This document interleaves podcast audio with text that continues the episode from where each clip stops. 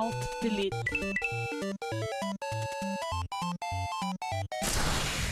Unable to comply.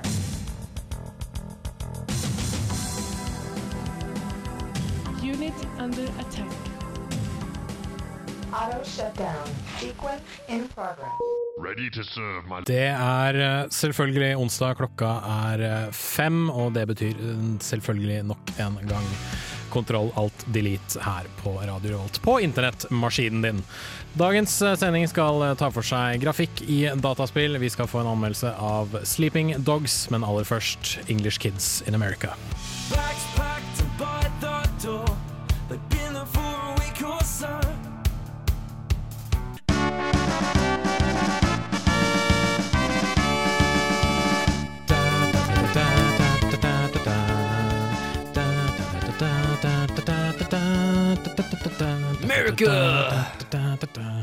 Der var vi i gang. Du hører på Kontroll Alt Delete her på Radio Alt. Du fikk Lower Than Atlantis med låta English Kids In America. Mitt navn er selvfølgelig Jens Erik Våler. Jeg står igjen i programlederstolen for første gang på en veldig veldig, veldig lang stund, tror jeg. Det er et par uker siden sist. Eh, og i, med meg i studio to eh, veldig flotte unge herremenn som heter så mye som Chris Monsen og Bård Reistad. Present and accounted for, sir. Nettopp. Uh, vi er jo mannssterke i og med at vi alle er menn. Vi er dessverre ikke tallsterke i dag. Uh, Hanna følte seg litt eh, pjusk, så hun får lov til å uh, ta seg litt fri og pleie kropp og sjel. Og Andreas Dørum er dessverre i noen budsjettforhandlinger. Jeg tror Men- vi er mannsterke nok til å flytte et piano. Er vi det? Yeah. Pianoer er jævla tunge. Yeah. Ja, jeg bærer et piano en gang, og det krever iallfall fire. Kanskje en elektronisk piano. Ja. Ja, keyboard. Kanskje keyboard. Kanskje Men- en sånn flygel som med hjul på beina. Ja, kanskje det, sånn at du bare kan dytte det. Ja. Ja, nettopp. Uh, vi får eh, håpe at vi ikke må flytte noen pianoer, for uh, jeg vet ikke hvordan det er med dere, men min overkroppsstyrke er sånn uh, litt under gjennomsnittet. Uansett, Kristoffer, Ja, hvordan går det? Nei, det går right. Det gjør det? Ja, litt travelt, men ellers helt fint. Ja, du ser jo fram til en spillansering i løpet av natten. Ja, eh, for at eh, Steam har jo en sånn fantastisk greie som heter preloading, eller eh, preinstalling. da Og det spillet er preinstalla, ironisk nok til pre-sequel Borderlands. Så ja, gleder meg. Jeg skal, gjøre meg. skal bare få gjort ferdig alt for midnatt, og så ved midnatt skal jeg bare loade og spille og spille og spille og spille og spille, og spille, og så anmelde. Og i din uh, venting på Borderlands The Pre-Sequel, har du spilt noe eh, festlig Nei, jeg har visst ikke spilt noe særlig mye uka her, men jeg har uh, fått uh, sett på nesten hele sesong tre av Videogame High School, som er et tenåringsdrama for videogame-nerds som meg, på steroider. Litt blanda følelser om det, men egentlig ganske kult. Og jeg tror grunnen til at det er kult, er egentlig at det liksom aldri blitt gjort før. Det, føler liksom at det er ingen andre enn Freddy Wong fra YouTube-kanalen Freddy W som liksom ville ha gjort det. Er det en serie du vil anbefale? Mm, ja, hvis du kan klare å stå over den litt sånn halvveis klisjé kjærlighetshistorien, ja. Nydelig. Bård Estad, Yes! hva har du gjort i det siste? Jeg har tatt og fresha litt opp på Sleeping Dogs, Sleeping som, Dogs. som vi skal ta og anmelde i dag. Eh, og forbi det så har jeg tatt og dukket litt innom eh, Super Smashen på 3DS-en en gang iblant. Blir fortsatt sliten i tommelen? Blir fortsatt sliten i tommelen, og eh, jeg har også begynt å irritere meg litt over den analoge paden, fordi at den Ja. er ikke like nøyaktig som en analog stikke er. Så av og til når jeg virkelig har lyst til å ta et ned B-angrep, så er det sånn Å, du har lyst til å ta et bort B-angrep? Ja, sure, ja. we'll do that for you, sir. Mm. Jeg kan si meg enig i den, men eh, jeg liker likevel å spille det sånn innimellom når jeg har Altså det er fint sånn ventespill. For det er sånn, Da kan du gå inn og så kan du sjekke Å, jeg har en challenge hvis jeg må gjøre det og det, og sånn og sånn. Og så kan jeg løpe inn og så kan jeg gjøre det, og så kan jeg hoppe ut igjen. Mm. Kristoffer, Eller du kan bare drive et hull i 3DS-en din, installere mikrokontroller, og så få gjør, ta og plugge inn en Nintendo GameCube-kontroller og spille med den. jeg Ja, jeg skal gjøre akkurat det. jeg foretrekker hardwaren min uh, uten de hullene Altså med kun de hullene som uh, manufaktøren uh, satte inn i dem. Eh, selv har jeg spilt veldig mye Shadow of Mordor, som jeg syns er eh, veldig likt Assassin's Creed og Batman. Men dette Nemesis-systemet gjør det veldig kult. Og så har jeg spilt en del Spelunky til PlayStation 4, som er å anbefale hvis du liker eh, spill med en eh, nydelig fargepalett og litt sånn old school sensibilitet. Straks skal du få litt uh, spillnyheter, men før den tid Asgeir Trausti med 'Stormurinn'.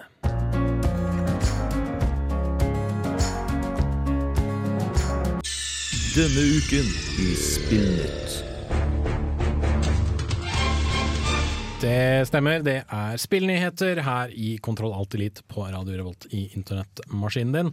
Og du, Kristoffer, Ja. er vår nyhetshund for uh, uken. Ja, jeg har printa ut eh, eh, nyheter, som du kan Du høre. har ja. faktisk en Wow, wow, stabel med papirer Og foran denne gangen her har jeg ikke stjålet alle nyhetene fra gamer.no heller. Så bra, Ja. i motsetning til meg som stjeler alle nyhetene mine fra gamer.no.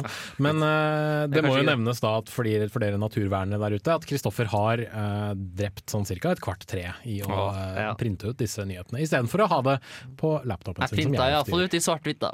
Det gjorde du. Det er flink gutt. Men uh, Og en en- godt resirkulert eh, printer. Den burde dødd for sånn ti år Burde siden. vært drept for ti år siden, ja. It's like Bob Marley, it keeps on jamming. Nettopp. Men ja, eh, Første nyhet som jeg har funnet, er kanskje blir litt Det er egentlig litt gammelt nytt, men også litt skrev, det med en liten vri. For at uh, Anita Sarkeesian skulle ha en, uh, et foredrag på Utah University, State University. Men den ble kansellert. får jeg gjette hva som har skjedd? Hun har blitt utsatt for dødstrusler. Ja. Ja, fordi Men- alltid når man snakker om men- Anita Sarkeesian, ja, har hun blitt utsatt for altså, noe faenskap. hun har jo blitt utsatt for trusler før, Det har og hun. hun har likevel gått gjennom med det. Men altså, det som er nyheten er her, at det, at det er en fyr som faktisk kom med en reell trussel om at han skulle lage den quote, den dødeligste skolemassakren i amerikansk historie. Og han sa at han hadde på sin disposisjon en semiautomatisk rifle med flere pistoler og en samling av pipebombs. Eh, og så videre artikkel, hvis jeg bare blar liksom gjennom alle sidene her med trærne som er drept, så sier Sarkeesian sjøl at eh, for å være helt klar, så kansellerte jeg ikke jeg den, den foredraget mitt pga. Terroristtrusler, men det var for at, eh, for at sikkerhetstiltakene var ikke bra nok. Altså De reagerte ikke rett på etterpå. pga. at det er masse sånn våpenbæringslover og sånn som visstnok Ja, er I. USA så kan du gå med skjult våpen. Ja, men det, det, er I- i det er forskjellig. fra- Ja, så ja, det det- er fra stat til stat så er det litt forskjellig der òg. Og det er klin kokos, Mm. spør du meg. Eh, Samme det som han karen som tok og kom med trusselen. Ja, nettopp. Eh, så det er ikke bra. Men eh, eh, altså, all ære til Anita Sarkisien for at hun klarer å, holde stand i disse faenskapstidene. Mm. Hva mer har du, Kristoffer? Nei, litt videre på den seksuell trakassering slash ja, kvinnehat-sida, så har jo Quotes fra Pressfire. Eh, På oppdrag fra Rådet for anvendt medieforskning har forskerne Kristine Ask og Stine H. Wang Svendsen satt søkelyset på seksuell trakassering i nettbaserte spill, med det mål å undersøke hvordan, hvorfor og den kommer til uttrykk. Ok. Og det er en ganske interessant artikkel. Uh, leste gjennom hele, og bare et par små punkt er at et viktig faktum å ha i bakhodet er at online-spill i stor grad handler om å være en del av et fellesskap, som det jo er. Og her er det en av de mest interessante delene av artikkelen, synes jeg, at nesten halvparten av alle kvinnelige informanter hadde holdt skjult informasjon om kjønn for å unngå uønska oppmerksomhet. Det er synd. Ja. Mm. Og eh, du, Jens Erik, du hadde resten av artikkelen du også, det kommentarfeltet jeg, jeg har Altså, fulgt denne øh. saken lite grann, for den ble posta i eh, går, tror jeg, Ja. på Pressfire. Og alt som, altså, som alt som har med kvinner og dataspill å gjøre, så trekker det til seg noen litt sånn uh, hva, skal, hva skal man kalle det? Man kan kalle en drittsekker. Det trekker til seg drittsekker. Ja. Som skal uh, bortforklare hvorfor dette her uh, enten ikke er en sak, eller hvorfor jenter må bare holde kjeft og tolerere at eh, menn bruker ord som hore, fitte, sklie, homo, gay, faggot etc. i dataspill. Hvem er det som bruker ordet 'sklie' i 2014? Eh, det er nok noen. Ja. Wow! Ja. Altså, jeg, jeg kjenner folk som brukte det på, eh, da jeg gikk på ungdomsskolen for sånn 15 år siden. I steinalderen, vet du. Mm. Ja. det tok i hvert fall aldri av i Romsdalen. Men det tok av på Østlandet i hvert fall. Men eh, ja, de skal jo selvfølgelig bortforklare dette her. Og eh, argumentet er vel at A. Jenter spiller ikke ordentlige dataspill, typ Battlefield, Call of Duty etc. De spiller sånne, sånne casual mobilspill, sånn som Candy Crush Saga og sånt. Og det andre er egentlig bare at ja, men dataspill, der skittprater man, så der må du eh, takle å bli kalt eh, bitch, for eksempel. Eller få voldtektstrusler. Eh, Det syns jeg ikke er greit, og disse menneskene kan dø i en brann, spør du meg eh, for å ha sånne holdninger. Det er nå bare meg, da. Men eh, vi slår en strek der for første runde av spillnyheter. Etter at Oral B og har fått spilt låta si Jumanji, skal du få litt mer spillnyheter her på Kontroll for litt. Players, Yoda, Soju, Manji. Soju, Manji.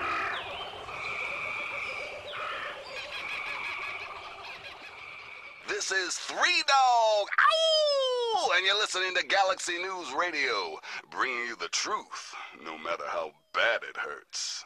Og den vonde, vonde sannheten, nei det er vel egentlig ikke en vond sannhet i det hele tatt, er at vi fortsatt er på spillnyheter her på Kontroll Alt Elite på internettmaskinen din. Kristoffer, yep. take it away. Yes, det skal jeg. Nå i Japan så har jo den nye, nye, nye, nye 3DS-en kommet ut.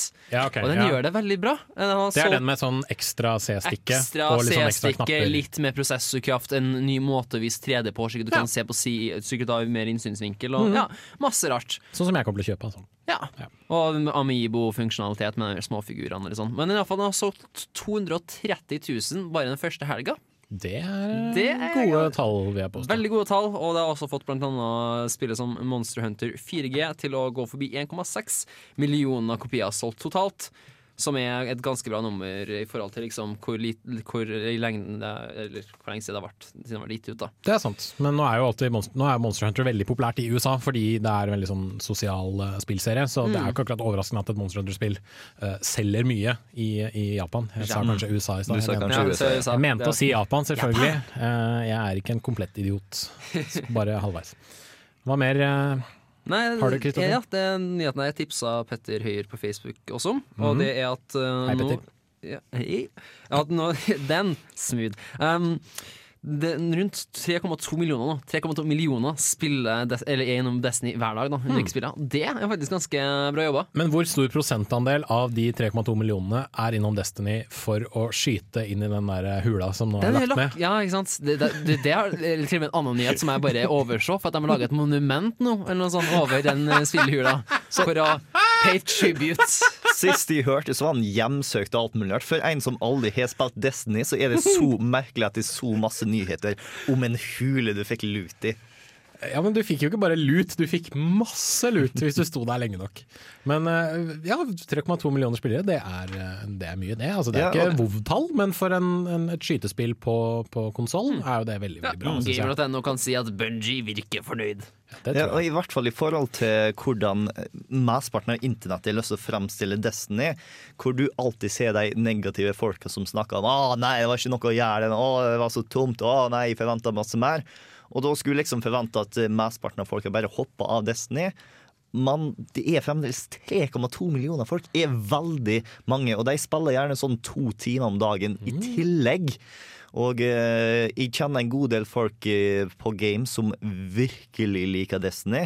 Butikksjef Thomas har ikke spilt noe annet enn Destiny og chat raid de siste par ukene fordi at han bare er så glad i det spillet. Jeg føler at dette er både en fordel og ulempe for meg å ha ræva nett, Fordi da kan jeg ikke spille Destiny.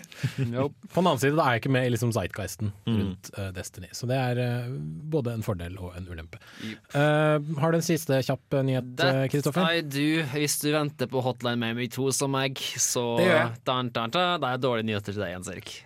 Fordi at ja, det er blitt muligens, muligens utsatt for at de svenske Mm. spillutviklerne føler at de trenger litt mer på finpuss-spillet. Det skulle egentlig komme ut sånn cirka nå, men de tenker at det heller blir med mot slutten av året, eller potensielt begynnelsen av 2015. Kanskje det blir et uh, jule-slash-nyttårspill? Ja. Ja. Det er ikke dummeste for deg egentlig heller, med tanke på at det kommer ut så sjukt mange store spill. Nettopp. Det å ta og være et liten spill i dette miljøet her er ikke best økonomisk, så hvis de kommer ut i sånn januar når ikke noe annet spill kommer ut, kanskje de får litt mer blest og litt mer eh, profitt. Kanskje. Mm. Jeg møtte en av de eh, Denaton-gutta i, oh. i, eh, i Köln da jeg var der for ett et år siden. Eh, og de er veldig stilige, kule mennesker, så jeg håper at Ja, det kan jeg dette, dette spillet blir De lager jo stilige spill. Jeg håper dette blir bra, og forhåpentligvis så blir det kanskje mer fra dem etter hvert som ikke er Hotline Miami også, for jeg vil jo alltid se hvordan de kan eh, utfolde seg i andre spillsjangre. Her får du LSD TV Lonely.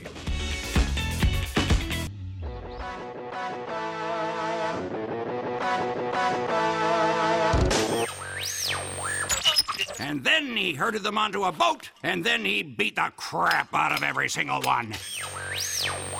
The only product ever to be personally endorsed by notorious ladies man, Mr. Shank. Yeah, so this shit is tits, guys. You should see what my bitch thinks of me now.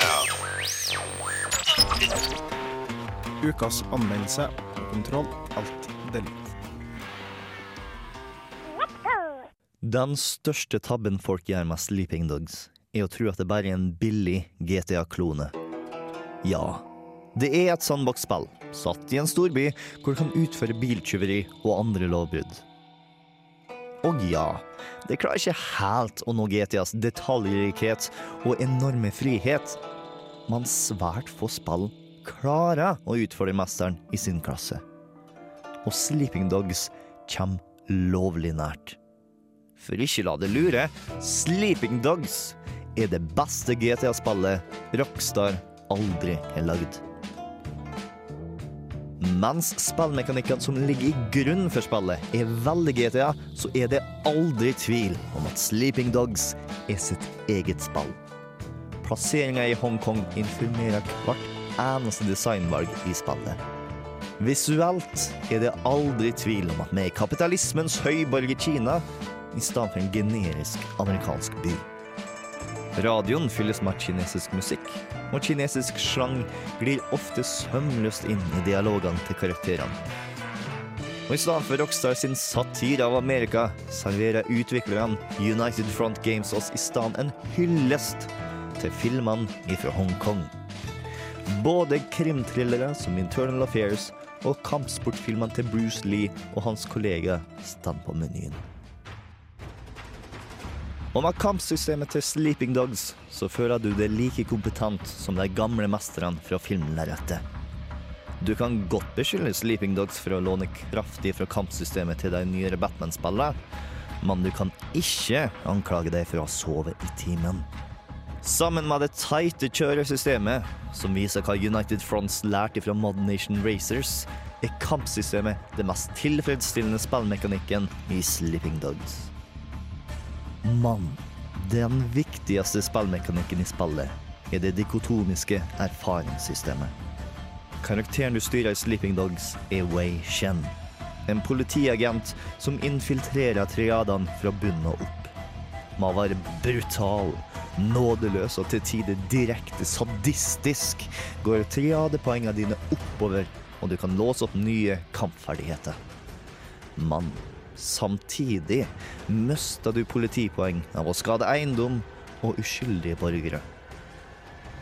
Dette tvinger deg inn i tankegangen til Wei Shen mens han blir dratt imellom verden han skal passe inn i, og verden han skal passe på. Dette går hånd i hånd med den velskrevne historien til spillet, som gjør det vanskelig for deg å ikke bry deg om dine brødre i triaden, som du egentlig jobber for å få bak lås og slå. Historien fungerer så bra at de ble skuffa på slutten av spillet, da det gikk opp for meg at de aldri ble tvunget til å velge hvor historien skulle gå. Narrativet hadde sugd meg så godt inn at de ærlig talt ikke visste om jeg ville forrådt triaden som jeg hadde opparbeida meg tilliten til, eller loven som jeg hadde via livet mitt til å opprettholde. Heldigvis stansa ikke denne skuffelsen med fra å nyte den forhåndslagde historien, som avslutta på en hjerteskjærende, men tilfredsstillende måte. Sleeping Dogs er godt mulig et av de beste spillene du gikk glipp av fra generasjonen som var. Og et av de beste eksemplene på hvordan god spillmekanikk kan sette spiller og spillfigur enda nærmere. Nå som sjansen byr seg nok en gang, så anbefaler jeg det sterkt om å ta turen innom Hongkong. Ikke la denne sovende hunden ligge urørt nok en gang. Vi er Krillbite, og dere hører på Control Alt Delete. Control Alt Delete. Yeah, yeah, Control Alt Delete is a shiz, it's a shiz from the biz biz. Ah, it's the trenders that listen to the radio all the time. Students, students and teachers and people. It's we're all humans inside. Ah.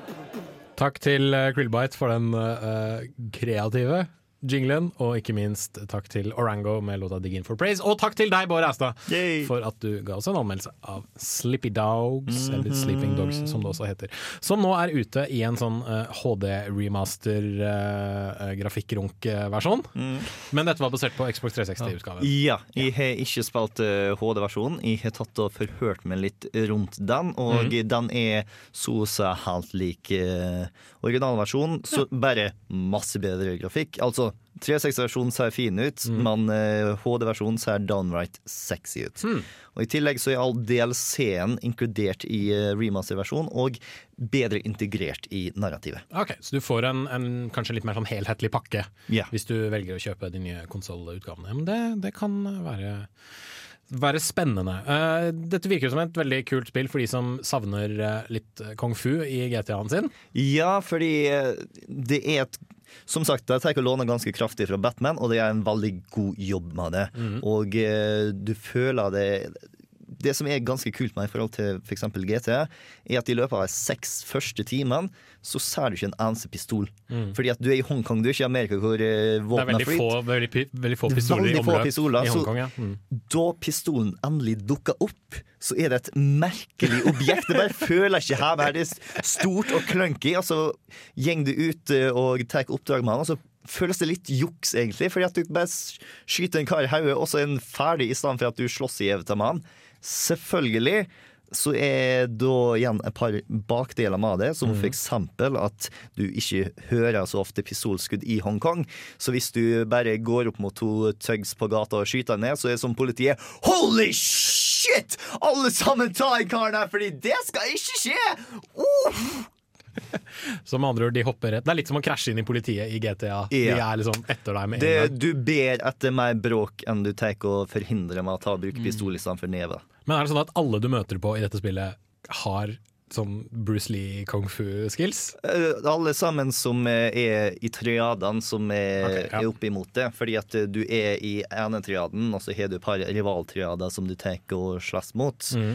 Og eh, alle av de kan kung fu. Noen litt bedre enn andre, noen er mer designa på å ta og holde det igjen sånn at andre får slå.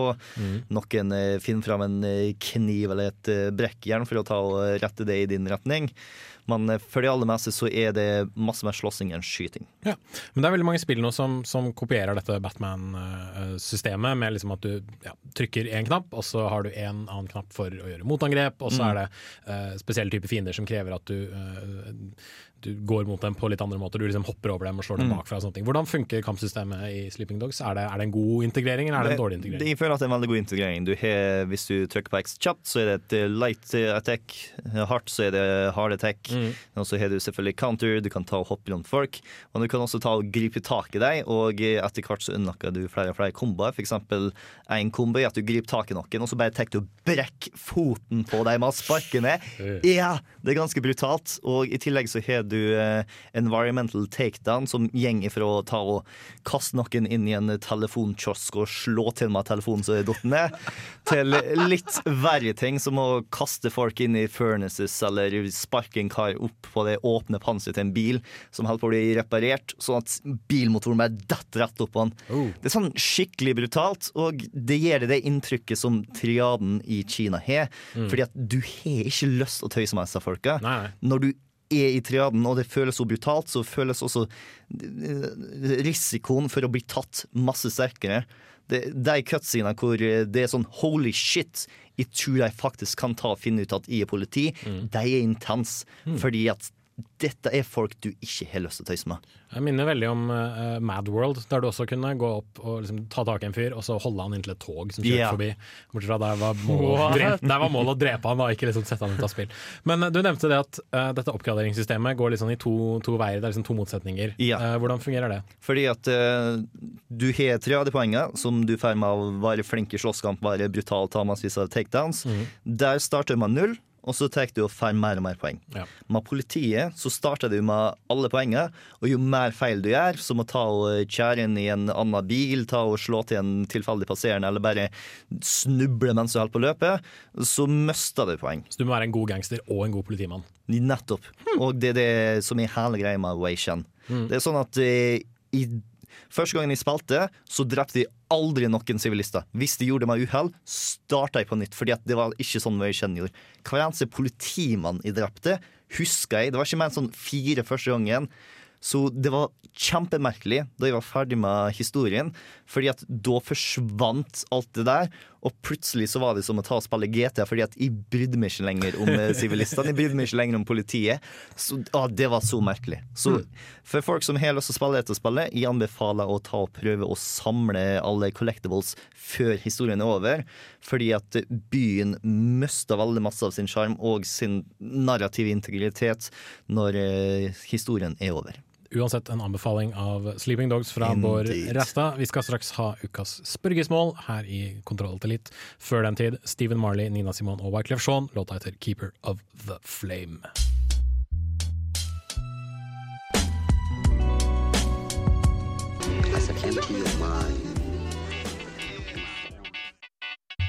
Når innså du at du var en gamer? Dersom du kunne spilt kun et spill i et år Hva er det eldste spillet i backloggen din? Og du var på en øde øye i helvete mens du var 11 år gammel Hva har du lært fra spill som du har fått nyte av i hverdagen? Er det et spill som har hjulpet deg gjennom en tung periode av ditt liv? Hva er ukas spørsmål? Ukas spørsmål heter spalten 'Slutt å plystre' nå. Eh, og du fikk i stad Stephen Marley og Nina Simone og Wyclef Jean med låta 'Keeper of the Flame'. Uh, Bård, du står for ukens spørgesmål, og det Ja. er også knyttet til uh, Sleeping Dogs. Nettopp, fordi at. Sleeping Dogs er den siste i en lengre rekke med spill, som originalt kom ut på forrige generasjon med spillkonsoller, og som nå har blitt HD-remasteret og gitt ut på nytt. Ja. Og jeg er nysgjerrig på hva folk føler om det, fordi at jeg har vært borti en god del kommentarer på nettet som ikke er så ekstremt glad for denne trenden. Ja, altså jeg kan jo skjønne det. Jeg syns det er litt leit at uh, måten de på en måte feirer nye de nye konsollene, den nye spillteknologien, på er å gi ut nye versjoner av gamle spill. Men du har også sånne uh, kjipinger som meg, som f.eks. ikke hadde en PlayStation 3, men nå har en PlayStation 4, som da får mulighet til å spille f.eks. The Last of Us uh, på liksom, i en penere utgave, da. Uh, og jeg spilte ikke Sleeping Dogs, for jeg hørte at liksom, PC-versjonen var den man burde få. Jeg hadde ikke en god nok PC til å kjøre det, så da kan jeg for så vidt da kanskje spille HD-utgaven på eh, min PlayStation 4 og få en litt mer sånn helhetlig i sak. Så, men samtidig, det er litt sånn dritt da, at noen av de beste spillene som, eh, fra året som går, potensielt kan være de beste spillene fra forrige spillgenerasjon. Og det syns jeg Mm. er litt teit. Men samtidig så er det liksom noen ganger der HD-versjonen faktisk er en nødvendighet. da Hvis du har lyst til å spille det på en uh, nyere konsoll. For eksempel så er P- Metal Gear Solid Peace Walker Jeg spiller jeg kjempeglad i. Det kommer ut på PSP-en. Oppskalerer du bildet til PSP-en, så ser det altså Det ser ut som et PlayStation 1-spill. Ikke PlayStation 1-spill engang. Det er bare Altså, prøvd en gang. Det er så dårlig at det bare går ikke. Mm. Altså, du må, eh, iallfall i det spillet til ha en uh, oppussa HD-versjon som faktisk ser ålreit ut. Men, jeg, men det som plager meg ofte med HD-versjonen, er at de er ikke nødvendigvis så særlig oppskrytt heller. Det er vanligvis bare teksturene som er pussa bitte litt oppå. Mm. De har liksom ikke satt inn den nyeste shader-teknologien, eller satt inn den nyeste lysvoksel Ja.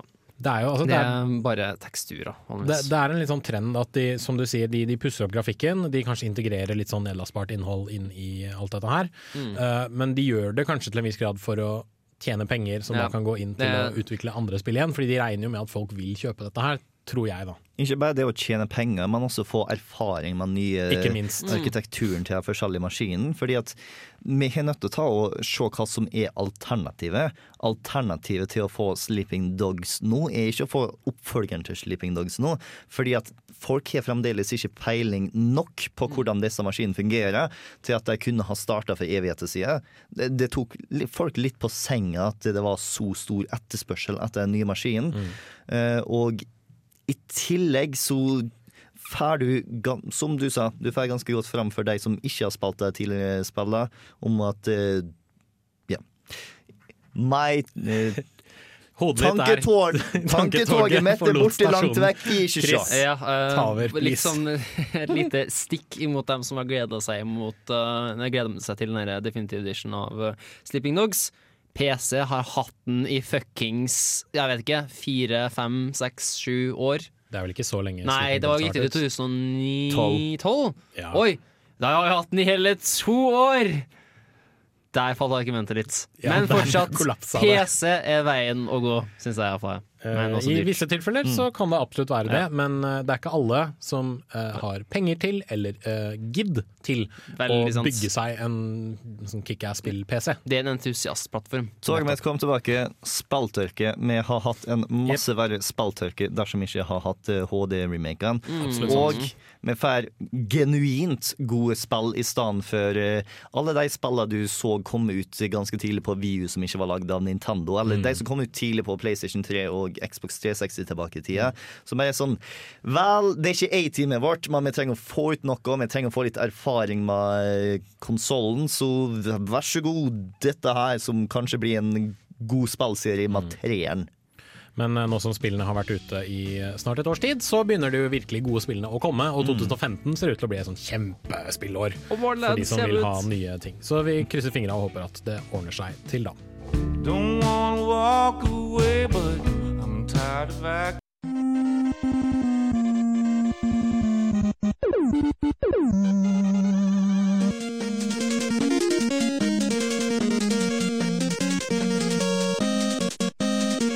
Og der var vi tilbake i Kontroll litt med vår fantastiske podkast, beat-seksjon-del. Har vi egentlig noen navn på det? Vi kalte det Podkast-timen før, for da varte det en yeah. time. Men det gjør det ikke nå lenger. Andre timen har vi brukt å kalle det. Ja, men det varer jo mer enn en time. Yeah. Så liksom. Men det begynner etter den timen, da. Det er sånn sett andre timen pluss. Ja, jo. Mm. Men det begynner jo som regel etter en halvtime til et kvarter, så det er sånn Ja, det er sant. Ja, jeg, jeg vet ikke helt hva vi skal kalle det. Men podkast-biten, podkast-delen, podkast-segmentet, gudene veit. Uh, Jens Erik er fortsatt her, Bård er her, Chris Monsen har måttet eh, fly grunnet skolearbeid, men vi har fått inn Andreas Dørum som erstatter. Ja. Og, Jeg håper jeg er eh, en fullverdig erstatter. Ja, jeg håper det. Jeg håper det. Du er jo ikke trønder, sånn som Nei. Chris er. Eller han, han sier jo egentlig at han er fra Bardufoss og ikke fra Trondheim, men han snakker jo Kan jeg fremdeles ikke flytte piano? Uh, nei, jeg tror Nei. ikke vi kan det. Det var en diskusjon Ja, vi hadde i stad i, i radiotimen om er vi, liksom, er vi mannsterke nok i studio til å flytte et piano. Jeg Har, mener har pianoet hjul? Ja, det var en av de tingene vi, det var en av de tingene vi stilte oss selv i stad. Eh, hvis piano har hjul, så tror jeg det skal være mulig. Men jeg ser for meg at hvis vi hadde måttet bære et piano opp en trapp, f.eks., Mm, yeah. det hadde ikke gått. Kanskje liksom at sånn, ja, jeg vil gjerne ha det fra den veggen til den veggen. Ja, da, da det tror jeg vi skulle klart. Ja. Det er vel ikke bare hvor mange vi er som er problemet, dette pianoproblemet, Det er litt overkroppsstyrke også. Ja, ja. ja nettopp. Det er kanskje ikke spill, Spillprogram er kanskje det med de mest sånn butch, men eh, Jeg vet ikke, jeg, altså veldig mange spillfolk er ganske svære folk. Og uh, har du vekt å bære på, så blir du i hvert fall sterk i beina. Ja. Og du skal jo helst løfte med beina i, eh, når du bærer ting. Men eh, nei, jeg tror ikke vi er mannsterke nok til å bære et helt piano. Kanskje hvis det er et uh, keyboard som ikke er kjempetungt, ja, elektrisk piano kunne for eksempel. Mm. Uh, planen var å snakke litt om spillgrafikk i nå. Um, jeg har egentlig ikke så veldig mange ferdigdefinerte spørsmål og sånt noe, men jeg, eh, mye av det kommer ut av min stadige hva skal jeg si, eh, mentale rundgang med meg selv, som er eh, hvorvidt det er noe vits i å nevne grafikk i f.eks. en anmeldelse eller en diskusjon om et spill, om spillgrafikk er like viktig som det var en gang før. Fordi jeg henger en del på f.eks. på Reddit, på r slash eh, gaming, og der eh, dukker det noen ganger opp da, sånn, eh, forsider fra f.eks. gamle spillmagasiner. Hvor liksom, da inntogen av 3D-grafikk skulle finne sted, så var det sånn Yes, this is a real screenshot. Og så er det bilde av sånn superstygg, ekkel sånn tidlig 3D-polygonfigur som liksom ser ut som bare en haug med snørr som noen har satt uh, kroker på, liksom, for at det skal se ut som et monster. Men jeg føler at liksom det er, mye, det er fortsatt så mye mas i liksom, eh, nyhetsartikler og sånt noe om at liksom, ja, den konsollen er bedre grafisk enn den andre konsollen, og disse spillene ser bedre ut enn disse. Det er så mye mas om ti, alt skal være 1080P og 60 frames per second, og hvis et bilspill kommer ut som er låst til 30 bilder per sekund, så blir folk skikkelig sure. Og jeg liksom Hvorfor bryr vi oss om grafikk, og er det viktig lenger? Og jeg vet ikke, Det er sånn veldig store åpne spørsmål jeg stiller her, men Andreas, du, Ja. du har liksom sittet klar til å si et eller annet, har jeg sett. Jeg vet ikke helt hvor jeg skal begynne. Det er så Nei, mange, jeg skal det er så mange vinkler. Men jeg kan, jeg kan begynne med det, liksom. Bryr du deg fortsatt om spillgrafikk? Ja. Ok. Ja. Um, og det det er så mange Grafikk er ord på så mange ting. Ja. Men jeg tror litt av grunnen til at grafikk fortsatt er så viktig, det er at spill har på en måte alltid vært to ting. Minst. Det har Ja. vært mange ting, men minst to ting. Mm. Det har både vært en uttrykksform, men også en ingeniørkunst. Ja. Det, Um, ja, ja. Mm, det kan jeg si meg enig i. Og både de som har laget spill, men også mange av de som har spilt spill, Mm. har vært type Og veldig mange av de tidlige spillerne var folk som satt på sånn computer labs på universiteter rundt om i Data- USA. nerd- datanerder. Ja, datanerds Mm. som både spilte, men også kanskje lagde noe spill. Ofte var det folk som kunne litt om datamaskiner. Mm. Og da bare det å se Wow, at de får til dette med en datamaskin, det er liksom fascinerende i seg selv. Hva de klarer å presse ut av denne eh, boksen. Og spesielt når altså det er spill som er pådriveren for all grafikk. Mm. Altså når uh, sånne selskaper lager sånn visualiseringsteknologi for oljeindustrien, så er det spillgrafikkort de bruker for å drive den. Det er renderingteknikker som er blitt utviklet av spillfolk. Uh, Så det er på en måte mm, Spill er pådriveren for the bleeding edge Ja. av grafikk og data, all type datagrafikk. Ikke bare spillgrafikk, men all datagrafikk. Mm. Uh, også liksom spill, filmindustrien, men jeg tror også selv om de har litt andre behov enn spillindustrien, så tror jeg de bruker veldig Jeg tror de bruker kort fra Nvidia.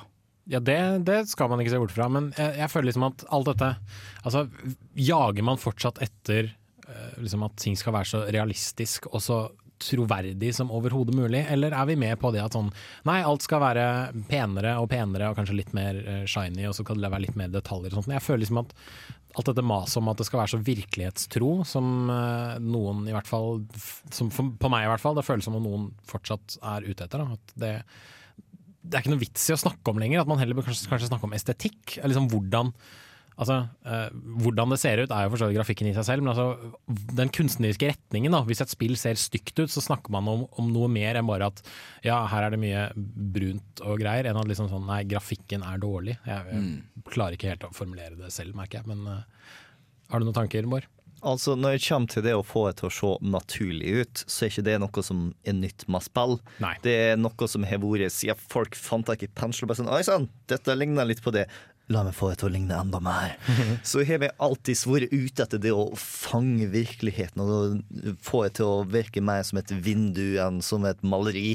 Og vi har alltid hatt lyst til å komme dit, og så kom vi selvfølgelig til moderniteten på starten av eh, 1900-tallet, hvor det var sånn Fuck that shit! La meg heller ta og vise hvordan det er inni hodet mine, enn hvordan det er i øynene mine.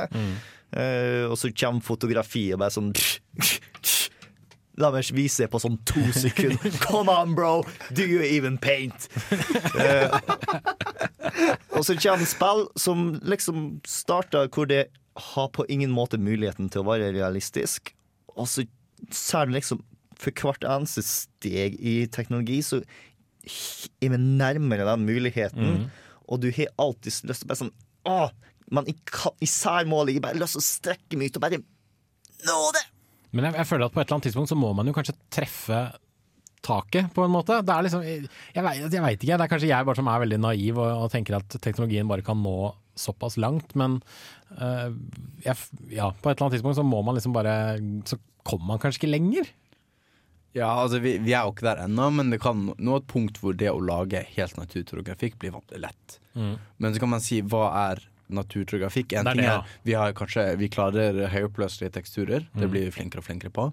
Men vann, for eksempel, er fortsatt vanskelig. Røyk er vanskelig. Det bruker man mye tid på. Mm. Veldig mange eh, forskjellige ting som man prøver å simulere, og vi får til mer og mer. Men animasjoner, for eksempel, er jo ikke bare et, en teknisk utfordring, men en artistisk utfordring. Mm. Å få eh, bevegelse til å se naturtro ut, det handler ikke bare om å stappe mer punkt, stappe mer, mer farger. Det handler om å ha en, en forståelse av hvordan bevegelse er. Eh, Disney klarte jo å animere liksom gange. Lenge før de hadde liksom supermange frames per sekund. Mm. Men at man for hvordan kan vi få det til å se naturlig ut. Men da tenker jeg at det er der dette med motion capture og sånt nå kommer inn. Men problemet igjen da blir jo kanskje det at da er det, er det sånn da at kun de store studioene har råd til den beste grafikken, i anførselstegn? Blir det sånn at alle liksom mindre spill og indie-studioene må heller gå for at gå for en uh, enklere, liksom, mer stilisert estetikk enn liksom, det superoppløselige? Ja, og sånn har det alltid vært. Selvfølgelig så er det større muligheter for mindre studio nå å ha det som vi ville se på som god grafikk for et par år siden, fordi at teknologien beveger seg hele tida, sånn at det blir enklere og billigere dag for dag. Mm. Men samtidig så er vel også det øverste punktet flytter seg enda enda mer. Så eh, de som har færrest folk, minst budsjett, kommer aldri til å være de som har best grafikk. Og det er noe som ikke kommer til å endre seg før vi får frem i startek-alderen hvor alle sammen kan ha eh, faktisk realistisk grafikk. Man bare trekker det ut av en mappe. Bare sånn, ja, selvfølgelig løs på gras, poff! Ifra den mappa ligger ut overalt, trenger ikke betale noe lisens. Alt er fint. Så det du sier er at eh, når alle får et holodeck, da får virkelighetstro spillgrafikk? Jepp. Fram til da så vil indiespill ha nødt til å hvile på estetikk over grafikk. Det er uh, stakkars indiespillene, for så vidt. Men jo, dette med estetikk uh, og grafikk. For jeg føler at uh, vi, Jeg sendte ut en Extra Credits-episode til dere vi, altså tidligere denne uka, og der argumenterer de for at ren grafikkraft er ikke alt. Du må ha en god estetikk i bunnen for å bygge opp under det. Men da er jo spørsmålet igjen altså En helhetlig estetikk, er det Hva er det egentlig? Hva legger man i det? Liksom, hvordan anser du et spill som pent, Bård? Eh, altså, når det kommer til å være God estetikk er noe som eh, er følger med spillet. For eksempel eh, Hotline Miami er på ingen måte et pent spill. Det, det, det er rent avskyelig. Men sånn hele spillet er avskyelig, så det går hånd i hånd med hva spillet har lyst til å gjøre, hvordan du oppfører deg i spillet. Alt sammen er en fin smørje som blir svært estetisk bra. Det er et av mine favorittuttrykk, fordi at de klarer å i de aller fleste estetiske uttrykk er der for å ta og få deg til å føle veldig glad, eller bare sånn 'Å, dette er så vakkert'. Men det å få deg til å Føle deg jævlig. avsky det du ser, og fremdeles like det, det er godt gjort. Det er veldig godt gjort. Andreas, du hadde hånda opp i stad.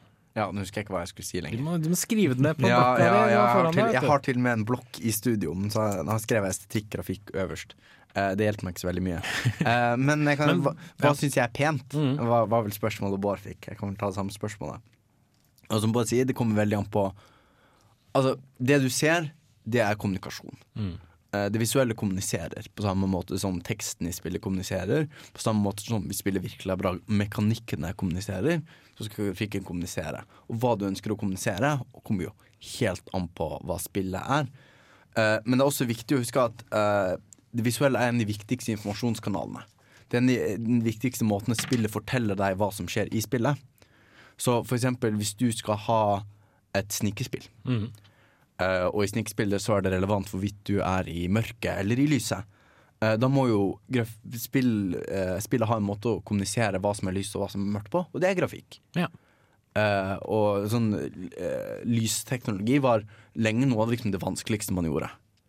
Dom 3 for eksempel var re revolusjonerende med, med sånn lysmekanikker. Sånn, så det, så jeg vil ikke si Grafikk er ikke irrelevant fordi grafikk skal kommunisere. Og det må være teknisk mulig. Altså Du skal ikke bare ha den artistiske evnen til å kommunisere det. Det skal også være teknisk mulig å kommunisere 'dette er lyst, dette er mørkt'. Og det begynner mer og mer å bli en selvfølge, men det ikke det, ikke, det har ikke alltid vært en selvfølge. Og så kan man ta det neste tidspunktet. Hvis du skal eh, Hvis du spiller et strategispill, og så skal du kommunisere hvor mange tropper du kommanderer, ja, da må du kunne liksom tegne alle de troppene. Mm. Det er teknisk vanskelig å tegne 10 000 bevegelige dotter. Eh, sånn, så det er, teknikken muliggjør uh, gameplay. Og grafikken muliggjør gameplay fordi grafikken skal kommunisere hva som skjer. Og gameplayet må kommunisere hva som skjer. Mm. Eh, Men eh, Forresten, jeg kan ta det spørsmålet ved en senere anledning. Men jeg er veldig enig med deg i det at det må være oversiktlig. Men da kommer vi igjen tilbake på dette med estetikk og implementering av estetikken. Og for det trenger man jo ikke alltid en sterk grafikkmotor. For man kan ha den sterkeste grafikkmotoren man vil, så lenge man har en dårlig estetisk utforming av noe. Så vil det jo se jævlig ut uansett, Ja. tenker jeg da. Ja, ja. Eh, men eh, ja, eh, vi spiller litt musikk. Her får du en OC-remix av en låt fra Link's Awakening, et av mine favorittspill av Saw Ryan. Den heter 'Melodies of Mabe Village'.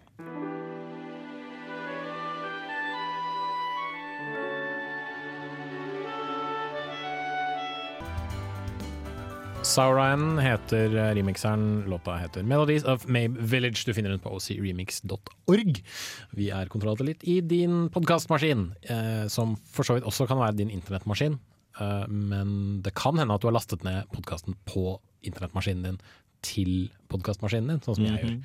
Fordi jeg er en sånn eh, Jeg lever sånn for ti år siden, så jeg har en iPod fortsatt. Oi. Som jeg liksom plugger inn i PC-en min, så laster jeg den ned via iTunes. Jeg er ikke sånn der laster ned podkastene direkte til smarttelefonen min person. Det er jeg dessverre ikke. Men har du sånn floppy-disk-leser til iPod? eh, iPoden din? Eh, nei, floppy disker har jeg ikke. Men altså, vi, vi kalte det jo floppy disks da vi var yngre, men de var jo ikke floppy lenger. For Nei, før, var før hadde de jo liksom sånn digre sataner, og de var liksom virkelig floppy. Ja. Og så ble de mindre, og da ble de avstiva, og så ble de fullstendig uh, ubrukeliggjort da CD-er var et ting. Nå får du ikke plass et, altså et moderne bilde får du ikke plass til på en floppy disk. Og for dere der ute som er under eh, Hvor gammel er du, Andreas? 21. 21. De av dere som er under 21 og ikke aner hva vi snakker om, spør foreldrene deres. Jeg tror de under 18 ikke vet hva floppydisk er. Jeg følte meg veldig uh, gammel da jeg for en to måneders tid siden måtte forklare hva minidisk var. For noen som var yngre enn meg. Minidisk? Er det de små Åh, CD-diskene? Christ. Åh. Minidisk var tenk, Se for deg en kombinasjon av kassett og CD. Oi. Så har du Ja. For jeg Eh, hørt om minidisk, tror jeg. ja, og på minidisk skulle du kunne putte x antall CD-er hvis du liksom konfigurerte det riktig. Men det var liksom bare en sånn stopgap mellom CD-brenning til liksom MP3-nedlasting. Okay. Uh, og jeg hadde minidiskspiller, broren min hadde fem fordi alle ble ødelagt sånn kjempefort. Uh, og så kom MP3-spilleren og bare sa minidisk, pff, faen skal dere med det? Her er uh, 500 megabyte. Putt inn det dere har av låter. Men vi skal ikke snakke om indisker og sånt.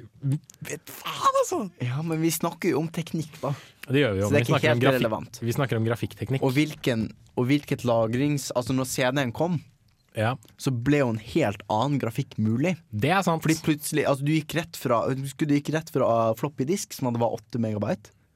Nei, det var ikke det engang. 1,4 megabyte er den standard eh, scenemodellen. Mm. Lurer på om kanskje de større har større lagringsplass. Jeg er usikker. Jeg tror, fire, ja, et eller annet. Du gikk fra et par megabyte til CD-er som har 600, cirka. 600 megabyte. Det er i hvert fall en eh, 20-dobling, da. Av hva du kan putte inn på den disken.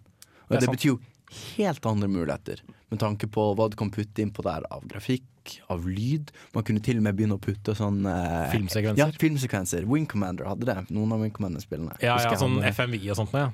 Det husker jeg var veldig banebrytende da det kom. Det het FMV, Full Motion Video. Ah, med andre ja. ord da, Hvor de liksom hadde filma noen på en uh, green screen, og så hadde de liksom putta dem inn i spillet. Mortal Kombat, tror jeg hadde det. Uh, til en viss grad. Helt det var ikke FMV. Det var det ikke. FMV var liksom filmsekvensene, da. Ja. Mm. Eh, for Men mener de faktisk Commander. hadde filmet folk som gjorde forskjellige bevegelser. Og puttet det inn Det hadde de gjort. gjort, og putta dem i spillet. Eh, Johnny Cage blant annet er basert på Jean-Claude Van Damme. Ja, det er Og den splitten, han, den splitten han gjør, hvor han sparker noen i ballene, det er tatt fra uh, Jean-Claude Van Damme-filmen Bloodsport, hvis jeg ikke tar helt feil. Eh, som er en uh, film som har Trivia. Spilltrivia! Ah. Men jo, um, siden vi snakker om spillgrafikk og sånt, fordi det, det er en del nyhetssaker eh, Eller en del, det, er, det har vært noen nyhetssaker den siste tiden om uh, det nyeste Assassin's Creed, Assassin's Creed Unity, som kommer ut til Xbox One og PlayStation 4. Eh, og den store avsløringen dun, dun, dun, var at det blir likt på Xbox One og PlayStation 4.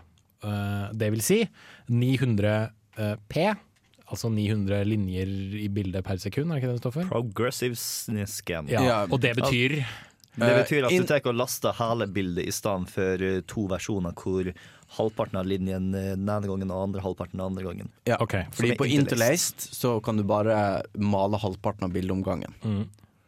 Men Som går ganske fint som aller oftest når du har bare en rolig samtale i bildet. Men med en gang noen begynner å løpe, så ser du plutselig en hel haug med striper du ellers ikke ville sett. Mm. OK, skjønner. Så eh, P er bedre enn I. Ja, det, det vet jeg. Det har jeg fått med meg. P er bedre enn I, Ja. eh, fordi det er lenger ut i alfabetet. Nei, nei, bare kødda. A er dårligst. Og jeg har også skjønt at for, for internett i hvert fall, så er 1080 bedre enn 900. Eh, Ja, ja. Det er jo mer tall. Det er jo mer. høy, høyere tall er er jo mer, bedre. altså. Og ikke minst, eh, 30 bilder i sekundet det er dårligere enn 60 bilder i sekundet. Eh, men altså Hvorfor er det så Det blir så mye oppstyr av dette her? Er det fordi folk tenker at jeg har kjøpt noe som i teorien skal kunne gi meg 1080P, og det at de ikke gir meg 1080P, det gjør meg sinna? Er det det rett og slett det argumentet Ja, er? for altså, det er jo klart, man kan jo kanskje se Hvis man ser side by side, så klarer Mm. man sikkert se forskjell på 900 og 1080. Men jeg tror det handler mer om en slags rettferdighetsfølelse. Og at man kanskje at man har lyst til å være på the bleeding edge. Man har lyst til å være med på liksom det kuleste. Men da burde man jo bygge seg, men da burde man jo bygge seg en spill-PC. Ja, det kan du si. Burde man ikke det, sånn egentlig? Jeg vet at jeg er litt sånn herre jeg, jeg kødder ofte med at jeg er en av de som ikke har tid, uh, gidd eller penger til å virkelig liksom bygge en spill-PC. Det har jeg aldri gjort i hele mitt Mm. liv. Nå driver jeg slår borti mikrofonen, det beklager jeg. Fordi jeg bare valgte sånn, Det var så mye lettere å bare kjøpe en konsoll. Jeg, liksom, jeg maser alltid om en sånn ja, fuck spill-PC-er, fordi du må alltid drive og knote så mye med innstillinger og alt mulig sånne ting. Det er, jeg, jeg vet det er en overdrivelse, jeg vet det, jeg vet det er en fullstendig overdrivelse. Uh, men liksom, hvis du vil være på bleeding edge, så hvorfor kjøper du ikke bare en spill-PC? Det, Jeg er enig med deg. det er også det at folk er litt late av seg. De har lyst til å bare putte den disken i eh, Ja, ja, ja. boksen, og så Mm. får de en cinematisk opplevelse på TV-skjermen sin. Mm. Og jeg tror at en god del av eh, denne oppstandelsen er fanboys, rett og slett, som har bestemt seg for at den maskinen er kjøpt, er det riktige valget. Mm. Og eh, når eh, deres versjon blir dårligere fordi at sånn som det originalt ble fortalt, eh, det skal være sli, bedre nærmere den andre versjonen, så blir de selvfølgelig sur. Og dette var Ubisoft som nok en gang har noen helt elendige folk til å snakke PR for seg. Jeg skulle så ønske at Ubisoft bare tok og sparka hele PR-avdelingen sin ansatte noen nye, fordi at de er elendige til å snakke. De kommer Det er bare sånn Oh, shit, dette tenkte vi ikke på. OK, folkens. Vi har Nå må vi begynne å ro. Nå må vi begynne å vi ro. har fem sekunder på å ta og komme med en eh, unnskyldning som høres noenlunde grei ut, og så serverer jeg den som en sannheten, og så er det sånn Vent, hva? Du kan ikke lage kvinnfolk fordi What?! Det blåser ut, og så bare sånn Nei, det var egentlig ikke sånn det var. Vi sa det kanskje litt furt. Det er disse grunnene her.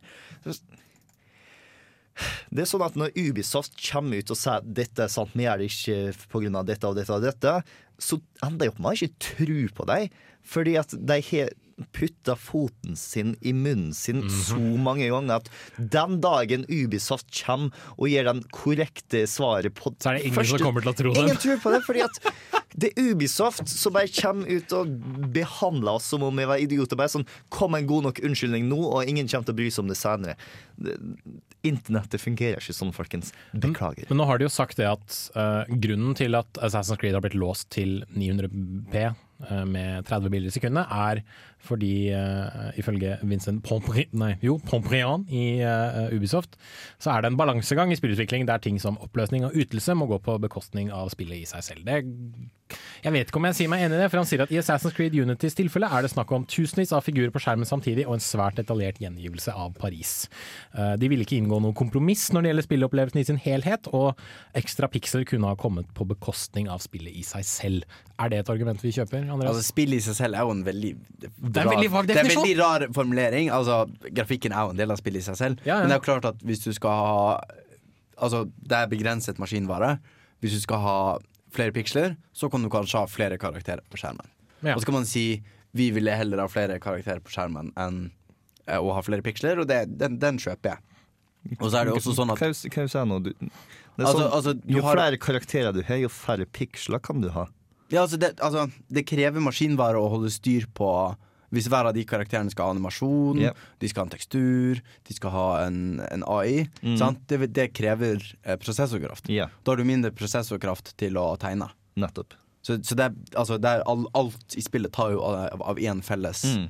eh, Et felles basseng, da, og du har begrenset å gi ut. Mm. Så det er jo klart, altså Men spillet i seg selv er en veldig vag formulering. Men jeg, men, men jeg tror jeg skjønner hva de mener, at vi prioriterte andre ting framfor Framfor eh, grafikk. Framfor oppløsning. Og jeg føler at det, det burde jo også være en det burde være et legitimt argument å si at yeah. vi valgte å ikke prioritere grafikken, men folk mener likevel at da har de blitt solgt en løgn, på en måte. Får jeg inntrykk av, da. Det var noen som var kjempesure for at uh, Bloodborne, som er det nyeste spillet til skaperen av Demons Souls, uh, er låst til 30 bilder per sekund på eh, PC, var det vel. Eh, eller eh, eh, PlayStation 4. Og det liksom, folk gikk jo mann av huset fordi han sa det at nei, 30 bilder per sekund er mer cinematisk enn 60 bilder per sekund. Og jeg kan si meg enig i at i, liksom, i visse spillsjangere ser man forskjell på eh, 30 og 60 bilder i sekundet, men det er en sånn det er en sånn et mas og et jag jeg liksom aldri helt har forstått meg på.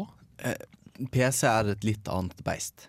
Um, fordi er det én ting PC-folk hater, så er det låsing. Det er skjønt. Eh, altså fordi, Og fordi det er ikke mulighet til å modde. Ja, for det er først og fremst et tegn på dårlig porting. Ja. Fordi når du lager til en konsoll, så låser du. For du vil optimalisere. Sånn at du bygger til én maskin eller to maskiner, men da, du, da lager du forskjellige spill til de to maskinene. Mm. Da presser du så mye ut av den som mulig. Så du finner akkurat den balansen mellom de forskjellige innstillingene som gjør at du får akkurat best ytelse. Eh, men på en PC så har PC-en ofte ytelse til overst, holdt jeg på å si. Eh, Så da kan spillerne selv finne ut av hva de prioriterer. Vil de ha høyest oppløsning, eller vil de ha høy framerate? Og det kan de selv komme fram til. Og eh, det fine med PC er at folk foretrekker forskjellige ting. For noen så er det kjempeviktig å ha uh, 60 frames, og så er det mindre viktig å ha fancy lyseffekter, f.eks. Eh, Så, så PC-spillere har lyst til å ha den muligheten til å velge. Og når man låser uh, til 30, så er det, vil jeg tro det er en art artefakt, holdt jeg på å si. Det, en, det, er en, det henger igjen etter at man har laget det til konsoll. Det er det de fleste Det er, det, det er argumentet de fleste Nemlig. kommer med, i hvert Og så har man bare ikke giddet å forandre det. Mm. Cinematisk argument er litt bullshit. Men uh, du da er jo på en måte den Du og Hanna er liksom de store PC-gamerne Ja. i programmet. Blir du irritert hvis du får vite det at dette spillet er låst til 30 bilder per sekund? Jeg, vet ikke om jeg er den beste til å se forskjellen mellom 30 og 60. Okay. Meg, jeg, jeg er det blir- fordi du er et rasjonelt menneske? Eller? altså, jeg, faktisk, jeg tror det er en forskjell. Jeg, har, ikke, har sett sånn litt side by side. Det er en forskjell. Mm. Eh, Men det er forskjell når du senker ser- farten veldig. Det har jeg ja, sett. altså, det ser mer realistisk ut. Det ser veldig masse mer realistisk Mm. ut. Jeg syns det bare er litt kvalmende, ja. Det, det høres veldig Nei, rart ut, men Da Skyrim kom ut, så satt jeg og en kompis og spilte Skyrim. Han satt oppe på rommet sitt, jeg satt Mm, nede på ja. rommet mitt, og jeg har en eldre PC. Mm. og jeg spilte veldig sånn 30, kanskje litt under 30 FPS. Og jeg har ikke noe problem med det, fordi at eh, i forhånd alt så fint ut for meg, og det så cinematisk ut som det jeg prøver å selge på. Ja, ja. Og så gikk jeg opp på rommet hans og kikka over skulderen hans og var sånn Oh my god. Jeg het filmlerret, du het vindu. Hvordan kan jeg få det slik? Og det viser seg da selvfølgelig at jeg ikke har støvsuga PC-en min på sånn to år. Så plutselig så fikk jeg en del FPS på den måten. Men jeg nådde fremdeles ikke helt til vindusstadiet. Nei. Nei, så det, 60 FPS er bedre. Mm. det, det er en ting igjen. To, så er det som jeg uh, sier, du tyder på en uh, slapp port. Altså det Slapp Slapp det var- portering. Port, portering. En floppy Over- port. Er floppy? Nei. eh, mm. Nå holdt jeg på å si noe upassende. Uh, poenget mitt var det tyder på at man har vært, slett gjort en halvveis jobb. da Og det er litt, ok, Jeg betaler ikke like mye som et konsollspill, men jeg betaler penger for dette spillet. Og da forventer jeg at det er ordentlig At man har faktisk lagt tid og krefter i det. Det er litt bittert. Som spiller- PC-spillere på en måte alltid kommer i andre rekke etter konsollfolket. Jeg, jeg føler at Jeg vet ikke helt, jeg, altså. Jeg tror kanskje det har skjedd nå i nyere tid. Når de har innsett at det ligger mer penger i konsollspillene enn PC-spillene.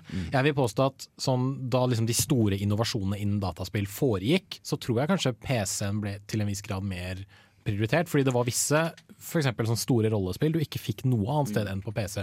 Ultima-serien eksempel, vi har nevnt Wing Commander. Veldig mye, altså Det fikk du ikke til konsoll, punktum! Fordi det ikke var mulig å spille på dem. Det avhenger også litt av hvem som utvikler. det. Hvis du har liksom de store navnene i Vesten, så har de gjerne lyst til å ta virkelig særlig på grafikk. Mm. Og det gjør de best gjennom PC-versjonen, og vise en PC-versjon i traileren og sånt. Mm. Hvis i Japan Japan har ikke noe særlig til å spille PC, så eh, de fleste porter der er en ettertanke. Mm. Hvis det er Ubisoft, eh, fold hendene dine og be. Nei, ikke Far Cry var så verst på PC. Altså, det er Kanskje fordi det er en FPS, da. At de Mm. gjorde en grei jobb på PC. Ja. Uh, men uh, altså, det har gått i litt sånn i uh, i poker hva som har vært kraftigst. Mm. Lenge så var konsollene kraftigst. Ja. Uh, når um, uh, jeg hører på en lydbok om eh, John Romero og John Cormack og skapelsen av Doom. Er det en Masters of Doom-boka? Masters of Doom. Yes. Fantastisk. Ja, Kjempekul bok. Eh, jeg har lydboken eh, fortalt av Will Wheaton. Mm. Det er enda bedre. En liten digresjon. Det, det er så fantastisk fordi Will Beaton er jo en spillfyr. Du, du merker bare at av og til så blir han så personlig så engasjert. Han klarer liksom ikke styre seg. Dette er så kult! Ja, Det er fantastisk. Uh, men eh, når de begynte, så var det uh, Så var konsollene bedre. Mm. Uh, det var ingen som hadde fått til eksempel sidescrolling, sånn som i eh, Super Mario. Mm. Ingen som hadde fått til det på PC. Eh, Cormac var sånn, sånn ingeniør, uh, gal vitenskapsmann som fikk til første uh, sidescrolling på PC, men da var Poenget var at da var PC-en dårligere grafisk. Den hadde mindre maskinvare. Uh, men nå ligger jo PC-en allerede Nå er jo PC-en kraftigere enn PlayStation 4 enn, Mm. og Xbox One. Ja. Liksom når de kom til og med, så var PC-en kraftigere. Så det er en sånn balanse som har skiftet. Men så er det også hva som var det største markedet, har skiftet. Eh, det var også sånn at når, når Romero holdt på, så var liksom Doom var det største. Mm. Sant? PC-spill var det største. Um, nå har konsoll blitt det største markedet. Så det, det er balans, maktbalansen mellom de har skiftet seg over tid. da Nå tror jeg kanskje vi kommer til å se mer uh, At markedet går mer mot PC igjen, tror jeg. Du tror det? Ja, ettersom vi ser at de, de digitale plattformene blir bedre og bedre. Mm. Det er, smarttelefonen spiser også en god del av Ja. kaka. Det er sant. Mm. Det gjør den. Ehm, ja, jeg bare Jeg veit liksom ikke, for jeg, jeg tenker at uh, Nå beklager jeg at jeg generaliserer igjen veldig, men jeg har, en sånn, jeg har et sånt bilde av de som spiller på PC, som mennesker som én uh, aldri er fornøyd med det de får. Og det beklager jeg, Andreas. Uh, to uh, nekter å betale full pris for noe som helst. De venter alltid til et spill kommer på Steam-salg. Eh, og tre, uh, alltid sier 'fuck det som er der nå, jeg modder inn noe nytt'. Og da er det jo ikke rart at utviklere tenker at alle pengene ligger i konsoll. Ergo vi tar utgangspunkt i vår konsollbild, og så, går vi, så porterer vi PC-versjonen derfra. Og spesielt når PC-en har ytelse å gå på. Mm. Altså, Hvis du skal få til god grafikk på en konsoll, så må du presse all jusen ut av den konsollen. Hvis du skal få til god grafikk på PC, så liksom er maskinvaren så mye bedre at det trenger ikke være like godt optimalisert. Og det kommer det uansett sett ikke til å bli. For når du lager til, du lager til PlayStation 4, så lager du til én prosessor. Mm. Du lager til ett grafikkort. Du lager til én mengde ram. Du lager til én Altså, det, alt er helt likt på hver PS4. Mens det er liksom en milliard forskjellige kombinasjoner, og det er nesten ikke en overdrivelse engang. For du har kanskje 100 forskjellige grafikkort, og så har du 100 forskjellige prosessorer, og hver kombinasjon vil være litt annerledes. Mm. Så det er helt umulig å optimalisere til én spesifikk eh, konfigurasjon, da. Ofte så er det jo faktisk eh, Nvidia for eksempel slipper jo patcher, sånn nå har vi fått til 5 bedre ytelse på det spillet, på det kortet. Mm. Så det er ofte grafikkfolkene selv som optimaliserer Altså det er ikke spillet som optimaliseres til grafikkortet. Det er Grafikkortet som optimaliseres for spillet, ja. Mm, grafikkortet mot patch, altså driveren, da. Optimaliseres eh, for å kjøre spillet best mulig. Men det går liksom fint fordi du har, så, du har liksom 3 gigabyte videoram sammenlignet med hvor mye er det liksom de nye Star 512 kanskje? Kunne jeg se for meg. Megabyte. Jeg husker ikke helt. Ja, men det er kanskje en, en sjettedel, en åttendedel av eh, ytelsen på en konsoll, da. Mm. Eh, Det er sånn sett imponerende at de klarer å holde tritt i det hele tatt. Ja, men jeg tenker at det har ikke altså, det, det er litt med kraften, men altså litt med hvordan du bruker den kraften Mm. også, kanskje. Eh, Som ble nevnt fra han Ubisoft-fyren, at liksom du velger litt hva du vil sette fokuset på. Og men så, altså, fordi jeg, altså, Ta Shadow of Mordor, for eksempel, som jeg sitter og spiller nå. Det ser jo sånn detaljmessig veldig veldig bra ut, men jeg tror også hjelper det at eh, estetikken er veldig god. De har liksom valgt å gå etter en stil som er liksom à la opp etter Ringenes herre-filmene. Og med liksom det som grobunn, så kan de virkelig si at ok, vi skal ha disse og disse detaljene her, og vi skal, det skal se sånn og sånn og sånn ut. Men samtidig så er det så mye i det spillet som bare ser så kjipt og bare sånn vanlig ut. Altså, ja, det er pent, men det er ikke spennende, på en måte. Og da føler jeg kanskje at alt dette jaget om liksom 1080P og 60 bilder per sekund, for, meg, for min del i hvert fall personlig, faller litt bort. da. Fordi jeg heller vil ha noe som ser spennende ut, enn bare noe som er liksom pent og detaljrikt. Det jeg synes er litt artig, er at av de tre konsollene som er nye generasjonen ute på markedet nå, så det er VU som har de fleste spillene hvor jeg er sånn oh, det ser fint ut. Eh, Yoshi's uh, Woolly World og uh, Captain Toad og Mario Kart 8 og nye Zelda. Det ser bra ut. Det kan være fordi at vi har blitt eh, satt igjen i to generasjoner tilbake i tid fram til vinen ble ferdig. Men det bare Alt sammen er, føles ut som det hører hjemme der. Hver enkelt lille detalj er på plass. Det er ikke noe overflødig, og det er ikke noe som mangler. Og det er noe jeg sjelden føler på de større spillene til Ubisoft, til EA, til Activision, hvor det blir litt for masse eller litt for lite, eller noe som ikke helt jammer. Mm. Jeg ser den. Eh, og eh, jeg skal spørre deg litt om detaljporno etterpå, Mm. for det vet jeg at du har lyst til å snakke om.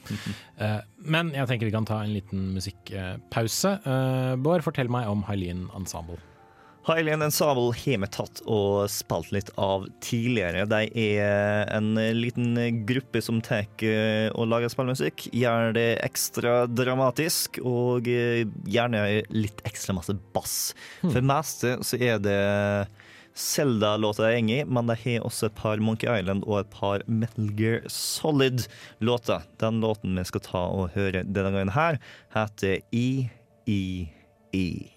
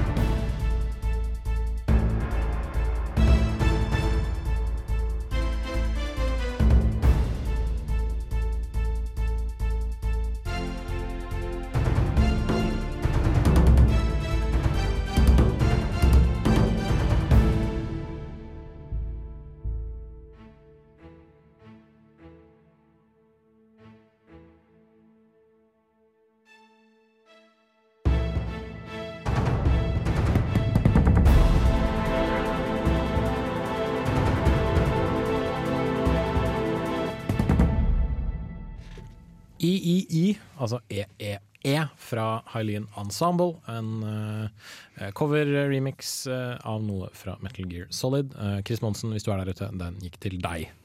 Eh, Ah. Selvfølgelig. Nå som Chris ikke er her, så må vi selvfølgelig spille Metal Solid-musikk. uh, Bård, detaljporno. Detaljporno. Det- Hva legger du i detaljporno? Detaljporno er et begrep som datt inn i hodene mine da jeg så X-Men Days of Future Past. Mm, ja, ja. Uh, Det har liksom ligget og gnagd i bakhodet mitt i lengre tid. Men Hvilke, det var og ikke bare pga. lateksdraktene. det er ikke bare pga. lateksdrakten.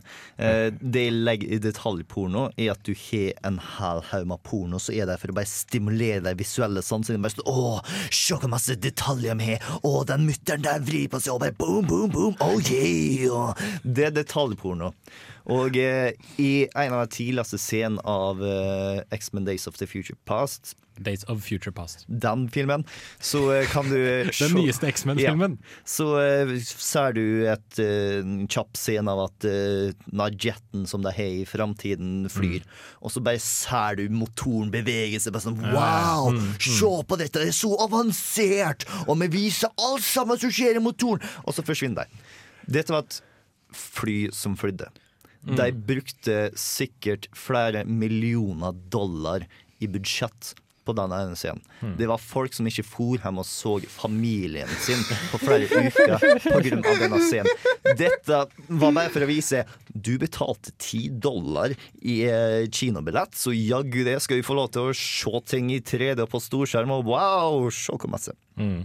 Og det er bare så det er ikke noe som gir noe til historien. Det er bare sånn Vel, alle sammen tar og bruker CGI, så da må vi være de som er best til å bruke CGI. Og da må vi ha alle disse detaljene. Fordi det er noe du kun ser i film eller spill. Det er liksom eh, maskineri som er åpent og bare viser som en vulg...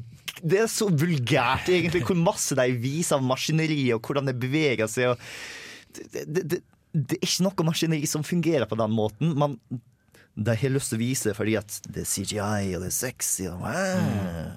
Er det, er det litt ekvivalent med å bruke altfor lange ord i en akademisk tekst? Litt sånn se til lange ord? jeg vet du hva, jeg vil kanskje til en viss grad påstå det. Det er liksom se hva vi kan, altså det er liksom Mm. se hva vi kan gjøre med teknologi. Det er Mm. kanskje det som er litt av hva skal jeg si, klagemomentet her. Og Mm. det, jeg kan si meg enig i det. Det er en del spill som for så vidt Ubisoft-spill også, fordi Ubisoft er livredde for at du skal yeah. gå glipp av innholdet i spillene deres. Men det er veldig sånn Nå zoomer vi inn på dette, og se på dette her, og så ser du kjempe på det, og så se, ja, se så mange detaljer det er i håret hans, og shit, er det en loppe, liksom. Og partikkeleffekter! Så mange partikkeleffekter! Spill uh, Infamous Second Son, der er det Mm. mye ting som liksom bare flyr i alle kanter og sånt. Man, det er litt sånn detaljrunk. Men nå når jeg snakker om alt, alt har med detaljer, så vil jeg ikke si at alt som har detaljer i seg, og en veldig stor mengde detaljer er nødvendig dårlig. Fordi at i den samme filmen som fikk meg til å innse detaljporno, så har du også en scene som bruker detaljer veldig sterkt. Og det er selvfølgelig den beste scenen i filmen, som er Quicksilver- Quicksilver løper Ja. rundt. Mm. Hvor du har massevis av ting som flyr stille og sakte i lufta. Har du ikke hatt de effektene, så har det ikke fått like masse inntrykk av at tiden stanser, Mm. og scenen har mista en god del tyngde. Så det er god bruk av eh, detaljer. De folka som ikke så familien sin på et par uker, kan i hvert fall være stolt over det. Mens eh, du har en hel haug med andre scener som er ganske forglemmelige, som er der for å rettferdiggjøre et gigantisk budsjett. Det, det, er en, liksom, det er litt problematisk, merker jeg. At noen ganger så må du liksom bare si at ja, vi har fått alle disse pengene, så vi må bruke det til noe. Og jeg føler at det er kanskje Altså det, det er kanskje litt sånn problematisk med veldig mange av storspillene, det at de bare får penger kasta etter seg. Tror du, altså Små budsjetter, tror du det bidrar mer til kreativitet? Liksom, vi har så og så mye å rutte med, vi må komme oss rundt liksom, disse, uh, disse manglene i budsjettet vårt, og så må vi da bare finne, Jeg vil ikke bare si at små budsjett hjelper med kreativitet. Jeg vil si at store budsjett dreper kreativitet. Mhm. Hvis du har enorme budsjett, så tar du mindre sjanser, fordi at du skal tjene tilbake disse pengene. Hvis du tar og tjener sånn 3% mindre på eh, Call of Duty, Jesus Christ! Folk kommer til å miste jobbene sine. Tjener du 3 mindre på neste Hotline Miami-spill, sånn. Det er to fyrer liksom som Ja. utvikler det. Ja. Mm. Eh, Men ikke bare det, men jeg tror også det har litt med maskinvaren du har tilgjengelig å gjøre også. At det må tvinge deg til å ta sånn kreative ruter. Fordi du nevnte Nintendo i stad. At Mm. de, som jeg har sagt tidligere, at Nintendo vet best hvordan de skal utnytte eh, sin egen konsoll. Det har de alltid gjort. liksom Ubisoft har sagt fuck you til Wii U-en, og det bryr meg egentlig ikke så veldig mye, fordi de Ubisoft-spillene så ganske stygge ut på Wii U også. Mm. Mens uh, spill som faktisk Nintendo har hatt en finger i, typ Mario-spillene, Mario Kart, Zelda osv., det er ikke bare pene, men de ser interessante ut. De har en god estetikk, de har en god look, på en måte.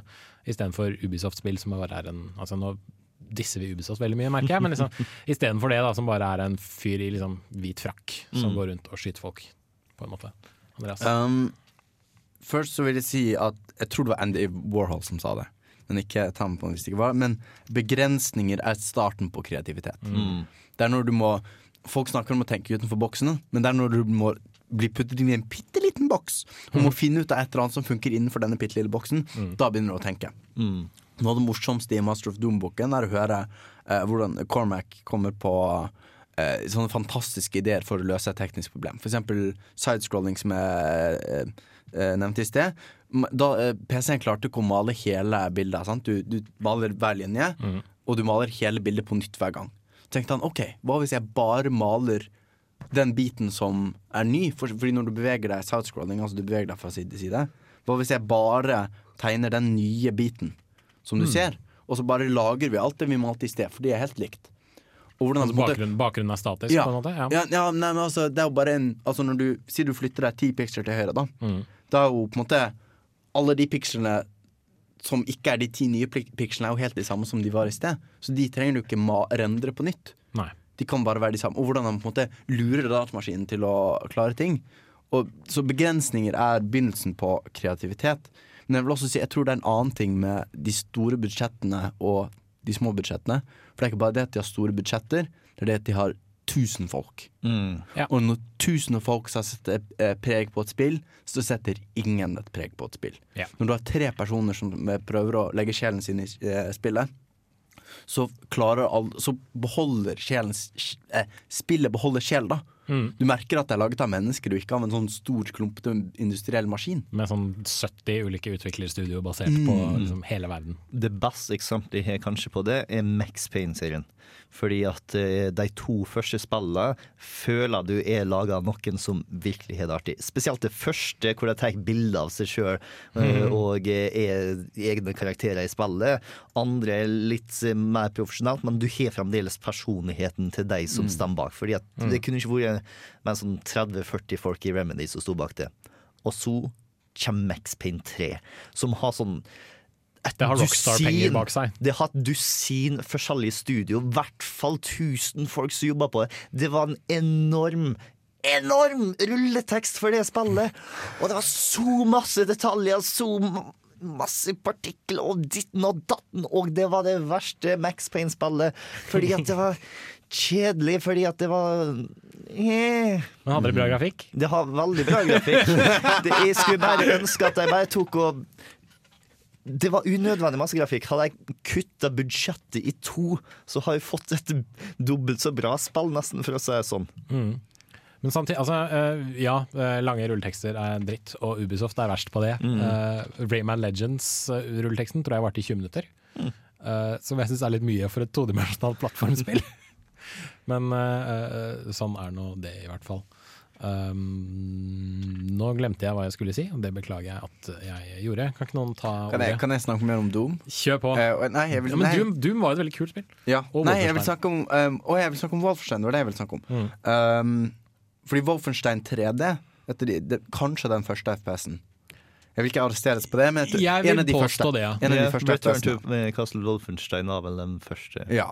Og for det var basert på et tidligere spill kalt Wolfenstein. Som var Castle Wolfenstein, ja. Castle Wolfenstein, som var et Mm. 2D-spill. Eh, og når de, eh, for dette begynte med eh, Cormac, som eh, var på en måte in it for the technic technical stuff. Han, han eh, ville eh, male førsteperson 3D, og han ville male det fort. Han ville få ut masse frames, og, det gå, og, og, han ville gjøre det mest mulig effektivt. Eh, og når de begynte da å lage De ville lage noe inspirert av Castle Wolfenstein, så begynte de å lage og kunne, liksom, kunne skyte ting og sånn. I eh, Castle Offenstein, det første, så kunne du, når du hadde skutt en Du skyter tyskere, da, i en sånn nazifestning. Eh, når du skyt, eh, skutt en sånn SS-soldat, for eksempel, så kunne du plukke opp Kunne du liksom dra liket, og gjemme liket, og plukke opp stæsj. Lute stæsj, da. Eh, og det vil de egentlig ha inn i spillet. Men det som var det unike med denne teknologien, det som teknisk skilte Wolfenstein fra alle de andre spillene, var hvor fort det kunne gå. Var at du kunne sprinte ned en gang, og, alt, og grafikken, eh, datamaskinen klarte å henge med. Uh, så da var det Romero, som da Altså John Carmack var den tekniske fyren. John Romero var liksom spilldesigneren. Ja. Mm. Uh, og det John Romero sa, liksom alt som ikke utnytter det, alt som er i dette spillet og ikke handler om å løpe ned en gang og skyte SS-soldater i ansiktet, det skal ut. Hæ? Så da var det på en måte Det var, det var eh, motoren som kom først. Det var de grafiske mulighetene som kom først. Og så tenkte vi ok, gameplay skal støtte opp under det som er unikt med den teknologien. Så ikke bare kan gameplay på en måte føre til Oi, vi har lyst til å få til dette gameplay-messig, da trenger vi den og den teknologien. Mm. Men også kan en teknisk mulighet inspirere gameplay. Så det er viktig. sant? Eh, At um, grafikk er ikke alltid liksom en muliggjører, men også at måte, Wow, vi har funnet ut denne kule nye partikkeleffekten. Hva kan vi gjøre med det? Hva slags gameplay kan vi lage basert på den kule gameplay-muligheten? Mm. Altså Jeg skulle til å argumentere for at sånn var det da, er det sånn nå, men nå har du nettopp eh, sagt hvorfor det er sånn, så, eller hvordan det kan bli sånn. Det handler ikke så mye om Altså, vi klarer eh, 60 FPS. Det får vi til. På PC-er, ja. Ja. Vi får til, eh, man får til 60 FPS, men eh, kanskje det er fysikk, for eksempel. Mm. Vi har fått masse fysikkbaserte spill. Mm. For det er også en Altså, det er ikke grafikk nøyaktig, men altså, alt er beregninger. sant? Altså, det Mm. handler om hvor mye beregninger kan vi presse ut av denne maskinen. Mm. Så sånn sett er det litt samme sjanger, grafikk og fysikk. Uh, og at måte, vi har funnet Oi, vi kan uh, gjøre fysikk. Hvilke gameplay-muligheter gir dette? Så det er fortsatt relevant, selv om det kanskje ikke i så stor grad handler om grafikk. Så handler det om Vi har funnet på denne nye tekniske muligheten. Hva kan vi gjøre nå? Hvilke nye spill kan vi lage basert på denne tekniske muligheten? Det eh, vil framtida vise. Her får du Bay Bay og Sean Lee med låta Hot Thursday.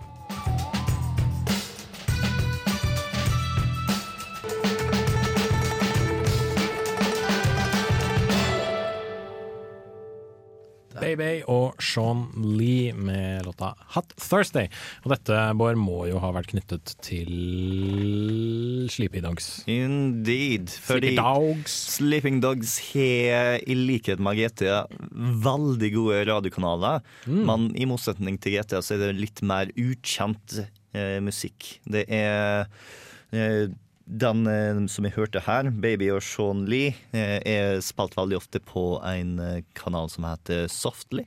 Mm. Som er en hel haug med local hits for Hongkong. du har også en annen kanal som jeg er veldig glad i, som heter Ninja Tunes Radio. Som er uten, utelukkende trip-hop. En ganske nice sjanger. Føler du at eh, din musikalske eh, horisont har blitt utvidet av å spille Sleeping Dogs? Eh, Egentlig ikke fordi at trip-hop eh, Jeg har, visste faktisk om eh, et ja. par av artistene der fra før. Bonobo er en av favorittene mine, så det å høre Bonobo på radioen var sånn yeah! Fett, fett. Eh, og du har også litt annet kinesisk eh, eh, stuff, sånn som eh, kinesisk pop.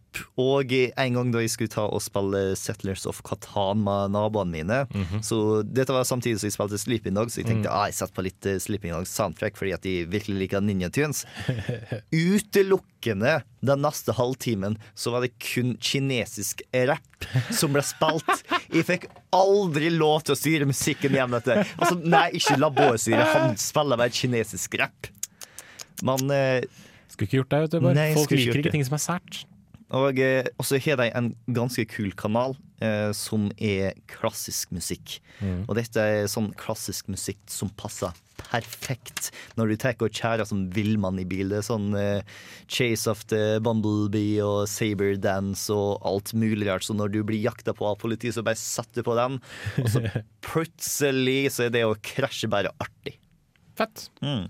Det er altså et spill med pen grafikk, så vidt jeg har skjønt. Indeed it is. Det ser veldig bra ut. Eh, og det er grafikk vi har snakket om. Jeg tenker kanskje vi kan Jeg vet ikke om jeg har så veldig mye mer å liksom spørre om. Andreas har hånda i været. ja, Han har lyst til å si noe, i hvert fall. Ja, for nå satt jeg og tenkte i, uh, i pausen på det jeg sa i sted, Mm. om måte, teknikken som muliggjør uh, spill.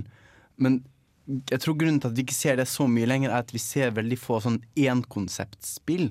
Det hva er hva mener du nå? Hvis jeg spi altså, spillet blir så stort at det prøver å være tusen ting. Ja. Det er mye det som er et problemet med Ubisoft-sjangeren. Det Det er vel strengt tatt litt en er sjanger. en sjanger. Storspillene fra Ubisoft Ja, er altså ganske like. open world-spillene. Ikke en sjanger, men fremgangsmåte, kan jeg vel kalle det. Ja, Ja, designmåte. Mm. Ja. Uh, fordi de skal liksom være Å, det kuleste hackspillet, det kuleste bilspillet, det kuleste actionspillet, det kuleste stinkspillet, det kuleste skytespillet på en gang. Mm. Uh, det er liksom ikke ett konsept som driver det. For det er ofte ett grafisk konsept eller en teknologisk forutsetning som driver det. Mm. Si du eksempel har partikkeleffekter. Eh, som går bra. Ok, da lager vi Da bygger du liksom konseptet rundt eh, partikkeleffekter. Vi, har ikke, vi ser ikke spill i like stor grad som er bygget eh, rundt ett konsept. Se, si du har eh, en ny teknologi for sånn vind som beveger seg gjennom gress. Mm. Ok, vi, Da lager vi et spill hvor det er en risplukker. Sant? At man bygger et spill rundt ett konsept. Sånn at du kan se liksom vinden gjennom risgresset. Ja, ja. Og- Litt som den scenen i uh, uh, Fader, hva heter den Jet Li-filmen? Uh, Fearless! Yes. Ja, hvor de altså- driver og ja, hvor han driver, driver og planter noe Mm. greier, og så kommer liksom vinden, og så reiser alle seg opp og bare ah, vinden, ikke sant? Og så fortsetter de å plante. Ja. Litt sånn. Men eh, kanskje litt sånn meditativt. Eh, men, men ja, altså om det er eh, ris eller hva det nå er. Altså Det vesentlige er at det er på en måte ett konsept som driver spillet, og Mm. ett som ligger i hjertet. da Det er sånn Spillet er blitt for hjerteløse. Det er det som er problemet. De har ikke et rødt bankende hjerte lenger. Det er bare eh, Ja, det er uten sjel. Fordi det er lagd av 10 000 mennesker. Ja, men samtidig så har du de spillene som ikke er lagd av 10 000 mennesker, og de klarer seg jo veldig fint, syns jeg i hvert fall.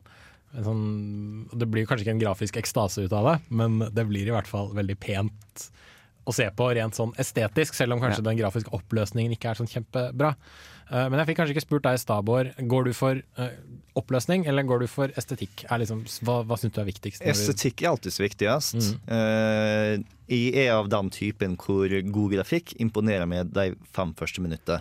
At det så blir blind. Det var tilbake i tida da jeg spilte Nights of the Old Republic, så var det noen som påpekte at de har sånn tre i framerate. Og jeg bare sånn Oi! Oi sann, de har visst det!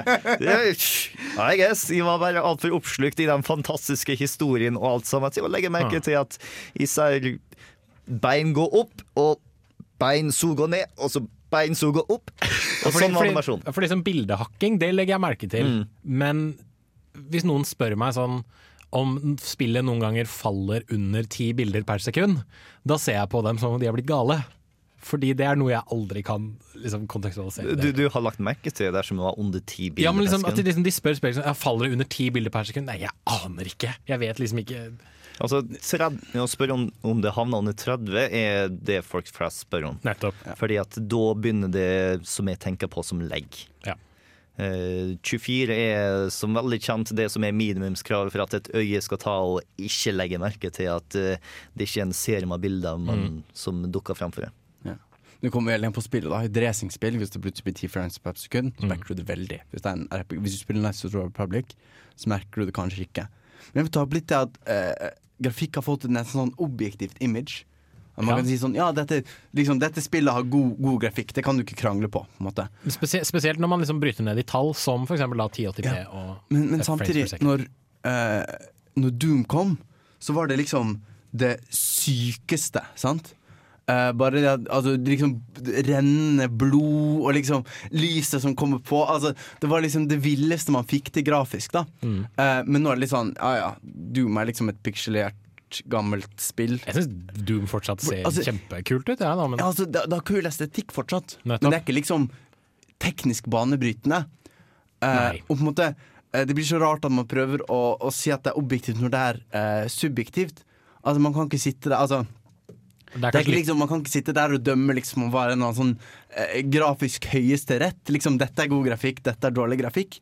Det er en subjektiv ting. Mm. Det som står eh, på en måte som er eh, banebrytende nå, kommer ikke til å være banebrytende om ti år. Men som vi alle vet, uh, internett generelt har jo utblå... Ut, altså ut, ut Faen er ordet jeg er ute etter nå? Jeg surrer så jævlig. Blåst opp? Ut, nei, de har utnevnt, takk, seg selv til uh, f.eks. en slags grafisk høyesterett. Eller eller de, de skal liksom bedømme alt. Mm. Og guden altså, Hjelp deg om du sier noe subjektivt, og de mener at nei, dette er jo selvfølgelig en, en objektiv Eller omvendt, da. Eh, men eh, ja, det er sant, man kan ikke dømme om noe ser pent ut objektivt eller ikke. Nei, det er, mindre- det er helt meningsløst. men samtidig så er det jo, som jeg nevnte, dette maset om da ja, 1080p, 60 bilder per sekund. Mm. Det er jo også et Det er et objektivt mål, i det minste, men jeg føler ikke at det skal være et mål i seg selv at det skal se sånn ut. Jeg vil heller Nei. se, ha et spill som har en interessant estetikk, Ja, tenker jeg. men, men sagt, Så lenge det flyter på, bra. Det kommer an på spillet. Sant? Ja. Ja. fordi 60 frames gir mer flyt. Hvis du spiller et spill som går veldig fort, hvor flyten er viktig Mm. En type God of War Har man et sjangernavn på God of War? Uh, Yatzy har foreslått Spectacle Fighter. Fordi det Spectacle handler om at du skal uh, slåss mot mange fiender, og du skal Ah. gjøre et spektakel ut av det. Du skal liksom lage spektakel ut av det.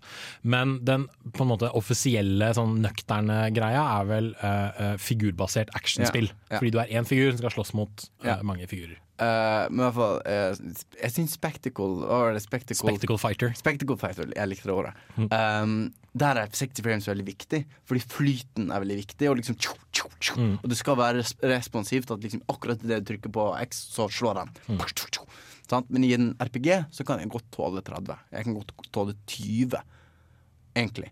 Uh, fordi det viktigste er um, Hvis det ikke er noe sånn fast-paced, og i noen i et Civilization for eksempel, så er, så er ikke framerate så viktig. Nei. Det går i hvert fall ikke utover spillopplevelsen.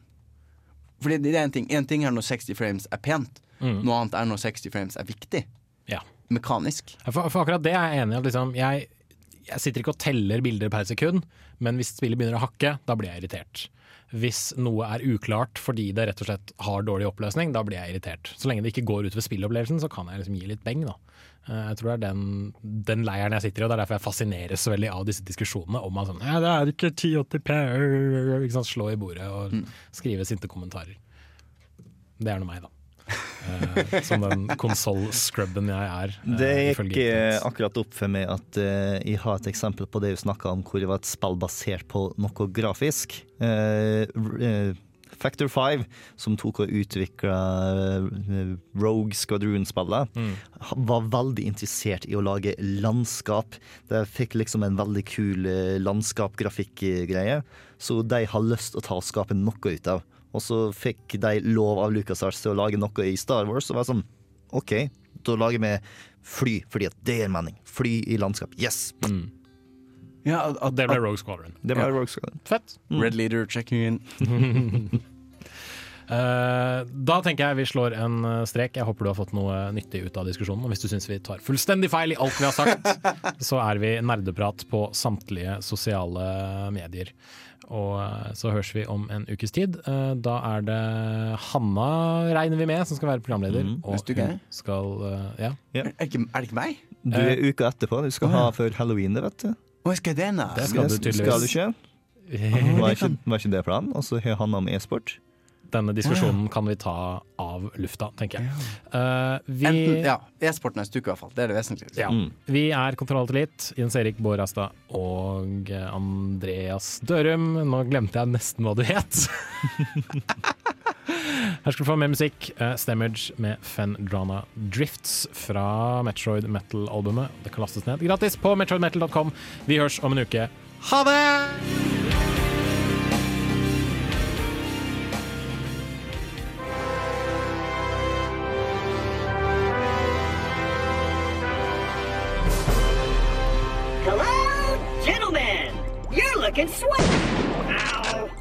Claptrap! Hei, folks! Chris Monson here. Ikke skrik, men dessverre er podkasten over for denne gangen. Men frykt ikke. Våre overarbeida frivillige har stått på døgnet rundt for å kunne skvise inn mer kontroll alt elite i hverdagen din. Er dere klar? Så bra! Vi presenterer Nerdeprat. Det stemmer. Vi har revolusjonert vår tidligere ikke-eksisterende sosiale mediestrategi ved å kombinere nerd med prat. Genialt! Du kan takke oss seinere. Så uansett om du er dopa på Facebook, Twitter, Instagram eller YouTube, så er vi der. Nerdeprat! Og til våre hipstere, vi er på Google Pluss også. Nerdeprat overalt. Chris Monsen, we're done here.